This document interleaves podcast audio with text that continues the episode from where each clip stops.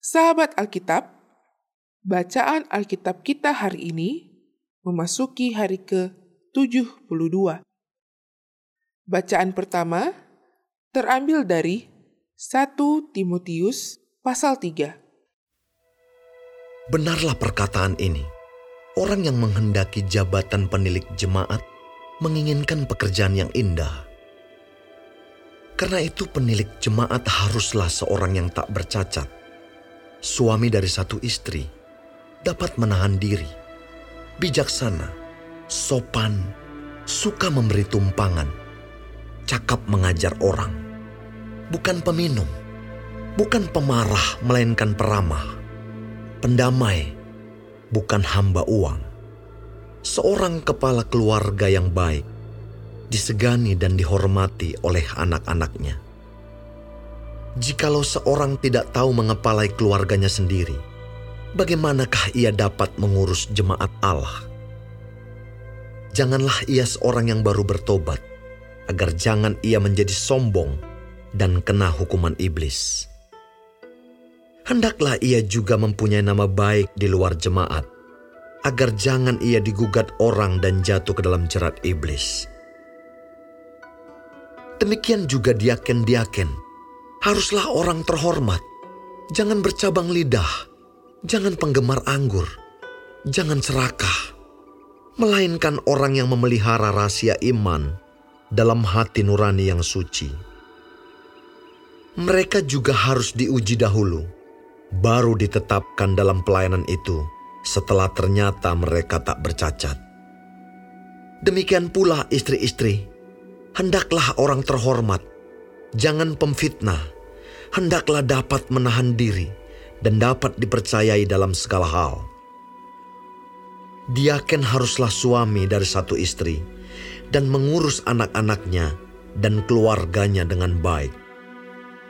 Karena mereka yang melayani dengan baik beroleh kedudukan yang baik, sehingga dalam iman kepada Kristus Yesus mereka dapat bersaksi dengan leluasa. Semuanya ini kutuliskan kepadamu, walaupun kuharap segera dapat mengunjungi engkau. Jadi, jika aku terlambat, sudahlah engkau tahu bagaimana orang harus hidup sebagai keluarga Allah, yakni jemaat dari Allah yang hidup tiang penopang dan dasar kebenaran. Dan sesungguhnya, agunglah rahasia ibadah kita. Dia yang telah menyatakan dirinya dalam rupa manusia, dibenarkan dalam roh, yang menampakkan dirinya kepada malaikat-malaikat, diberitakan di antara bangsa-bangsa yang tidak mengenal Allah, yang dipercayai di dalam dunia, diangkat dalam kemuliaan.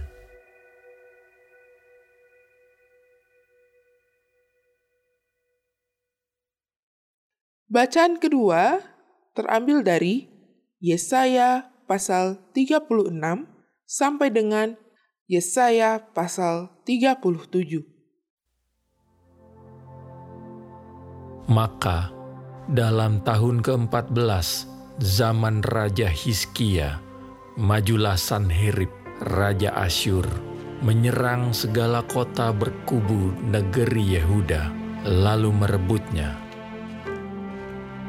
Raja Asyur mengutus juru minuman agung dari Lakis ke Yerusalem kepada Raja Hizkia disertai suatu tentara yang besar. Ia mengambil tempat dekat saluran kolam atas di jalan raya pada padang tukang penatu. Keluarlah mendapatkan dia, Yakim bin Hilkia, kepala istana, dan Sepna, panitera negara, serta Yoah bin Asaf, bendahara negara. Lalu berkatalah juru minuman agung kepada mereka, Baiklah katakan kepada Hizkia, Beginilah kata Raja Agung, Raja Asyur. Kepercayaan macam apakah yang kau pegang ini? Kau kira bahwa hanya ucapan bibir saja dapat merupakan rencana dan kekuatan untuk perang. Sekarang, kepada siapa engkau berharap? Maka engkau memberontak terhadap aku. Sesungguhnya, engkau berharap kepada tongkat bambu yang patah terkulai itu, yaitu Mesir yang akan menusuk dan menembus tangan orang yang bertopang kepadanya. Begitulah keadaan Firaun, raja Mesir, bagi semua orang yang berharap kepadanya. Dan apabila engkau berkata kepadaku, kami berharap kepada Tuhan Allah kami. Bukankah dia itu yang bukit-bukit pengorbanannya dan mesbah-mesbahnya telah dijauhkan oleh Hizkia sambil berkata kepada Yehuda dan Yerusalem, Di depan mesbah inilah kamu harus sujud menyembah.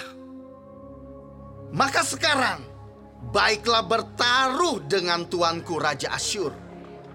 Aku akan memberikan dua ribu ekor kuda kepadamu jika engkau sanggup memberikan dari pihakmu orang-orang yang mengendarainya.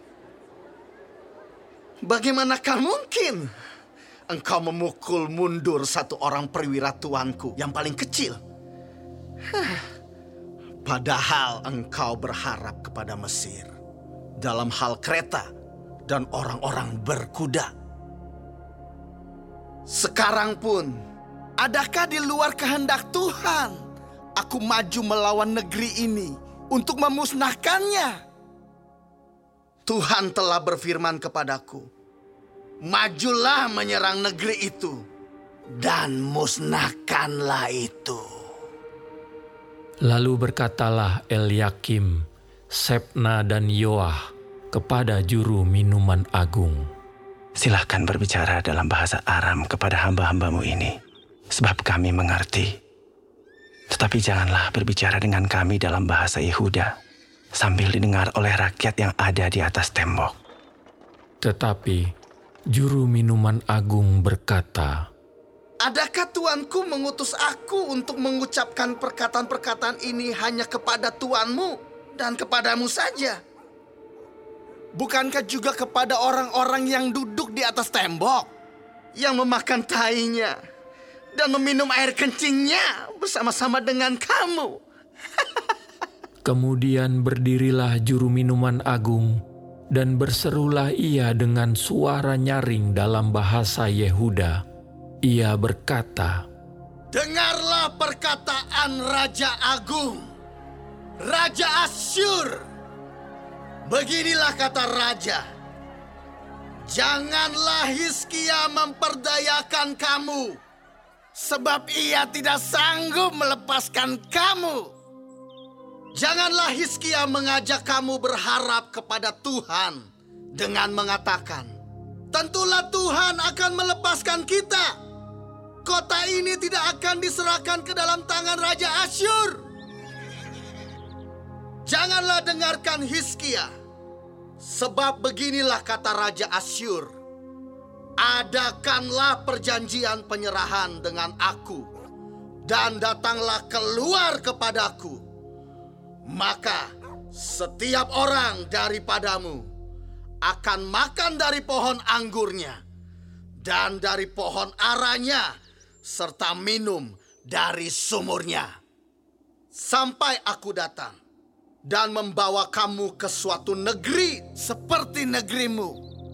Suatu negeri yang bergandum dan berair anggur. Suatu negeri yang berroti dan berkebun anggur.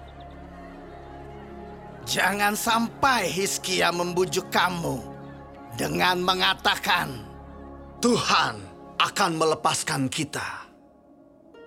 Apakah pernah para Allah bangsa-bangsa melepaskan negerinya masing-masing dari tangan Raja Asyur? Di manakah para Allah negeri Hamad dan Arpad? Di manakah para Allah negeri Sefarwaim? Apakah mereka telah melepaskan Samaria dari tanganku? Siapakah di antara semua Allah negeri-negeri ini yang telah melepaskan negeri mereka dari tanganku, sehingga Tuhan sanggup melepaskan Yerusalem dari tanganku. Tetapi orang berdiam diri dan tidak menjawab dia sepatah kata pun, sebab ada perintah raja, bunyinya, Jangan kamu menjawab dia. Kemudian pergilah Eliakim bin Hilkia kepala istana dan Sepna panitera negara dan Yoah bin Asaf bendahara negara menghadap Hiskia dengan pakaian yang dikoyakan lalu memberitahukan kepada raja perkataan juru minuman agung.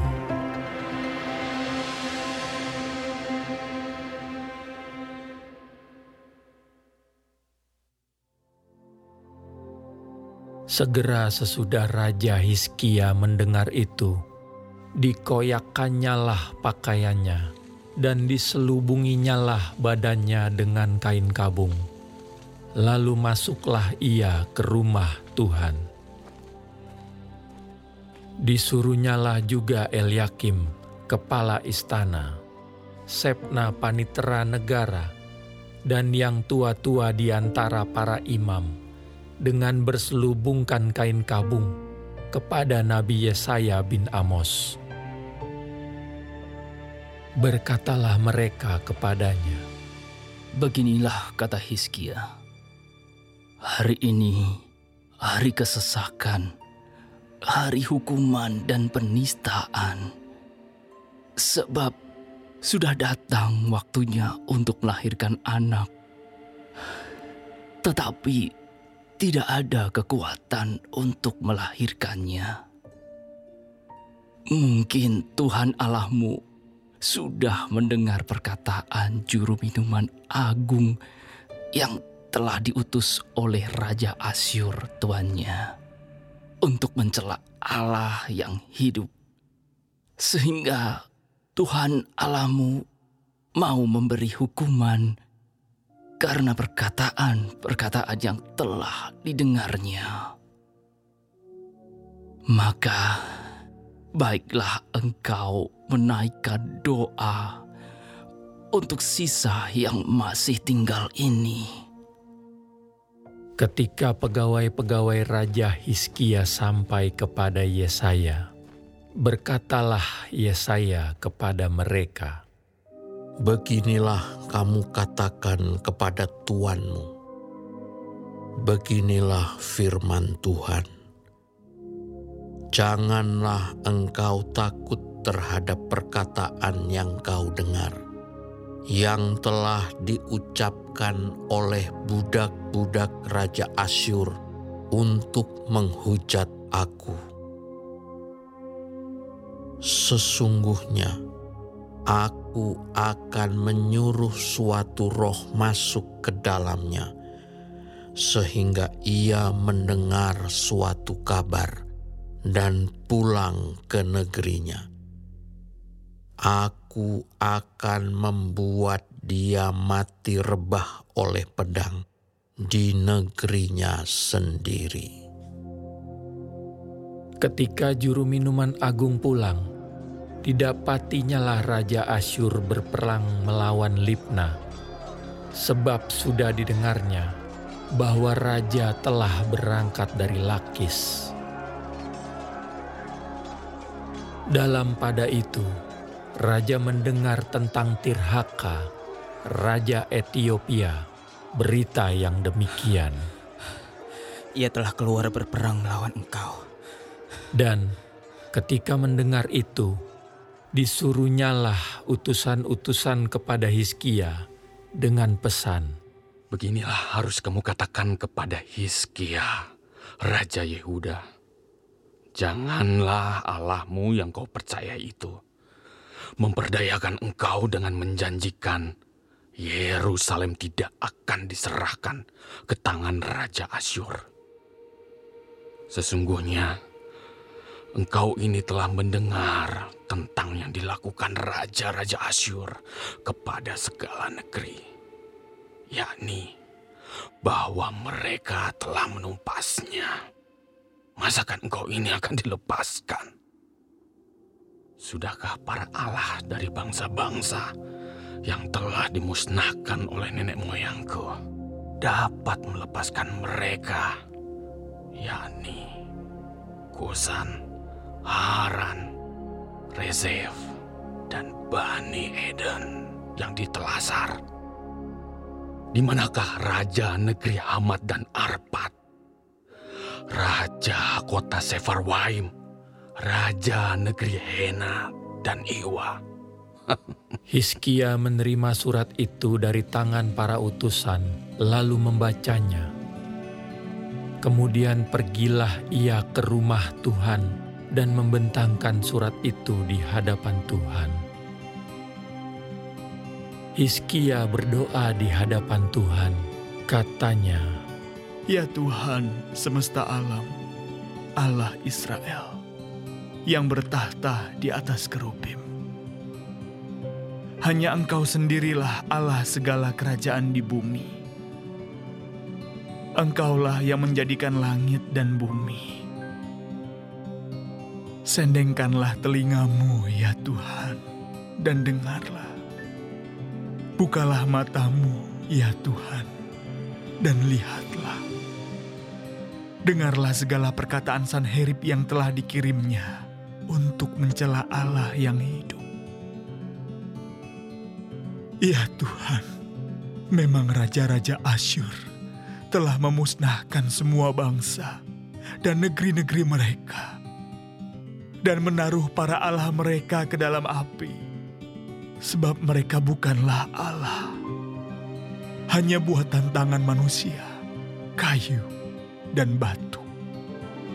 Sebab itu dapat dibinasakan orang. Maka sekarang, ya Tuhan Allah kami, selamatkanlah kami dari tangannya, supaya segala kerajaan di bumi mengetahui bahwa hanya Engkau sendirilah Tuhan. Lalu Yesaya bin Amos menyuruh orang kepada Hiskia, mengatakan, Beginilah firman Tuhan Allah Israel tentang yang telah kau doakan kepadaku mengenai Sanherib, Raja Asyur. Inilah firman yang telah diucapkan Tuhan mengenai dia anak dara yaitu putri Sion, telah menghina engkau, telah mengolok-olokkan engkau, dan putri Yerusalem telah geleng-geleng kepala di belakangmu. Siapakah yang engkau cela dan engkau hujat?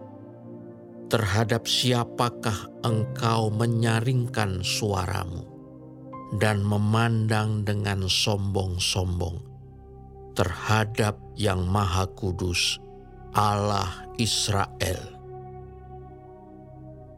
Dengan perantaraan hamba-hambamu, engkau telah mencela Tuhan, dan engkau telah berkata, dengan banyaknya keretaku, aku naik ke tempat-tempat tinggi di pegunungan, ke tempat yang paling jauh di gunung Libanon. Aku telah menebang pohon-pohon arasnya yang tinggi besar, pohon-pohon sanobarnya yang terpilih. Aku telah masuk ke tempat tinggi yang paling ujung ke hutan pohon-pohonannya yang lebat. Aku ini telah menggali air dan telah minum air.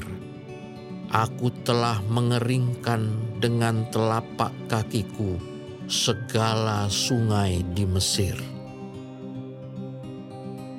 Bukankah telah kau dengar bahwa aku telah menentukannya dari jauh hari dan telah merancangnya dari zaman purbakala. Sekarang aku mewujudkannya bahwa engkau membuat sunyi senyap kota-kota yang berkubu menjadi timbunan batu. Sedang penduduknya yang tak berdaya menjadi terkejut dan malu. Mereka menjadi seperti tumbuh-tumbuhan di padang dan seperti rumput hijau, seperti rumput di atas sotoh atau gandum yang layu sebelum ia masak.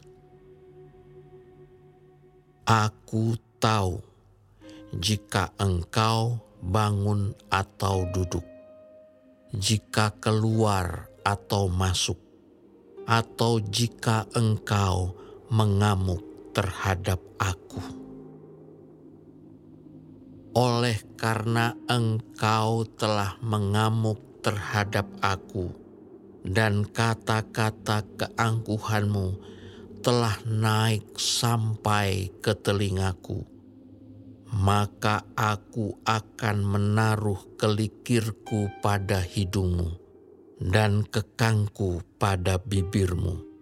Dan aku akan memulangkan engkau melalui jalan dari mana engkau datang. Dan inilah yang akan menjadi tanda bagimu, hai Hiskia. Dalam tahun ini, orang makan apa yang tumbuh sendiri, dan dalam tahun yang kedua, apa yang tumbuh dari tanaman yang pertama. Tetapi dalam tahun yang ketiga, menaburlah kamu, menuai, membuat kebun anggur, dan memakan buahnya dan orang-orang yang terluput di antara kaum Yehuda, yaitu orang-orang yang masih tertinggal, akan berakar pula ke bawah dan menghasilkan buah ke atas. Sebab dari Yerusalem akan keluar orang-orang yang tertinggal dan dari gunung Sion orang-orang yang terluput. Giat cemburu Tuhan semesta alam akan melakukan hal ini. Sebab itu beginilah firman Tuhan mengenai Raja Asyur. Ia tidak akan masuk ke kota ini dan tidak akan menembakkan panah ke sana. Juga ia tidak akan mendatanginya dengan perisai dan tidak akan menimbun tanah menjadi tembok untuk mengepungnya. Melalui jalan dari mana ia datang, ia akan pulang tetapi ke kota ini ia tidak akan masuk. Demikianlah firman Tuhan. Dan aku akan memagari kota ini untuk menyelamatkannya. Oleh karena aku dan oleh karena Daud hambaku. Keluarlah malaikat Tuhan, lalu dibunuhnyalah 185 ribu orang di dalam perkemahan Asyur. Keesokan harinya, pagi-pagi tampaklah semuanya bangkai orang-orang mati belaka. Sebab itu, berangkatlah Sanherib Raja Asyur dan pulang Lalu tinggallah ia di Niniwe. Pada suatu kali, ketika ia sujud menyembah di dalam kuil Nisrok Allahnya, maka Adramelek dan Sarezer anak-anaknya membunuh dia dengan pedang, dan mereka meloloskan diri ke tanah Ararat. Kemudian Esarhadon anaknya menjadi raja menggantikan dia.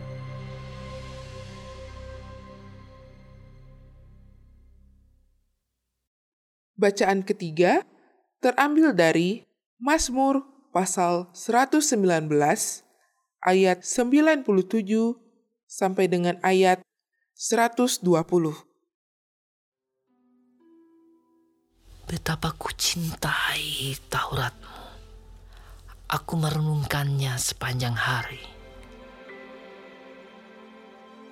Perintahmu membuat aku lebih bijaksana daripada musuh-musuhku. Sebab selama-lamanya itu ada padaku. Aku lebih berakal budi daripada semua pengajarku. Sebab peringatan-peringatanmu kurenungkan. Aku lebih mengerti daripada orang-orang tua, sebab aku memegang titah-titahmu. Terhadap segala kejahatan, aku menahan kakiku, supaya aku berpegang pada firmanmu. Aku tidak menyimpang dari hukum-hukummu, sebab engkaulah yang mengajar aku Betapa manisnya janjimu itu bagi langit-langitku, lebih daripada madu bagi mulutku. Aku beroleh pengertian dari titah-titahmu. Itulah sebabnya aku benci segala jalan dusta. Firmanmu itu pelita bagi kakiku dan terang bagi jalanku. Aku telah bersumpah dan aku akan menepatinya untuk berpegang pada hukum-hukummu yang adil. Aku sangat tertindas ya Tuhan. Hidupkanlah aku sesuai dengan firman-Mu. Kiranya persembahan sukarela yang berupa puji-pujian berkenan kepadamu ya Tuhan dan ajarkanlah hukum-hukummu kepadaku. Aku selalu mempertaruhkan nyawaku, namun Tauratmu tidak kulupakan. Orang-orang fasik telah memasang jerat terhadap aku, tetapi aku tidak sesat dari titah-titahmu. Peringatan-peringatanmu adalah milik pusakaku untuk selama-lamanya. Sebab semuanya itu kekirangan hatiku. Telah kucondongkan hatiku untuk melakukan ketetapan-ketetapanmu. Untuk selama-lamanya sampai saat terakhir. Orang yang bimbang hati ku benci, tetapi Tauratmu ku cintai. Engkaulah persembunyianku dan perisaiku. Aku berharap kepada firman-Mu. Menjauhlah daripadaku, hai penjahat-penjahat. Aku hendak memegang perintah-perintah Allahku. Topanglah aku sesuai dengan janjimu, supaya aku hidup dan janganlah membuat aku malu dalam pengharapanku. Sokonglah aku supaya aku selamat. Aku hendak bersuka cita dalam ketetapan-ketetapanmu senantiasa. Engkau menolak semua orang yang sesat dari ketetapan-ketetapanmu. Sebab sia-sia tipu muslihat mereka. Sebagai sanga kau anggap semua orang fasik di bumi. Sebab itu aku mencintai peringatan-peringatanmu. Badanku gemetar karena ketakutan terhadap engkau aku takut kepada penghukumanmu.